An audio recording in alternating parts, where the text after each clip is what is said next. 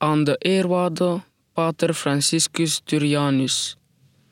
Hoewel ik tot nog toe niet geantwoord heb op uw brief en klachten, heb ik toch een Pater Trigoso metterdaad en in woorden bewezen dat we geen fouten hebben gemaakt in de zaken waarvan we beschuldigd worden.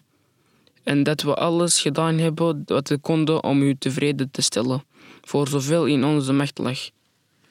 Omdat u ons nu lijkt te bedichten van gierigheid en dat we onze eigen profijt lijken na te streven, zal ik in enkele woorden antwoorden. Ik heb de uitgave van uw boek een evenmin ooit een ander niet nagestreefd of op mij genomen om het voor eigen winst te drukken. Nog veel minder heb ik er naar gezocht, erover gedacht of gewild dat het boek in omvang zou toenemen, zodat de koper overbodige kosten zou moeten ophoesten.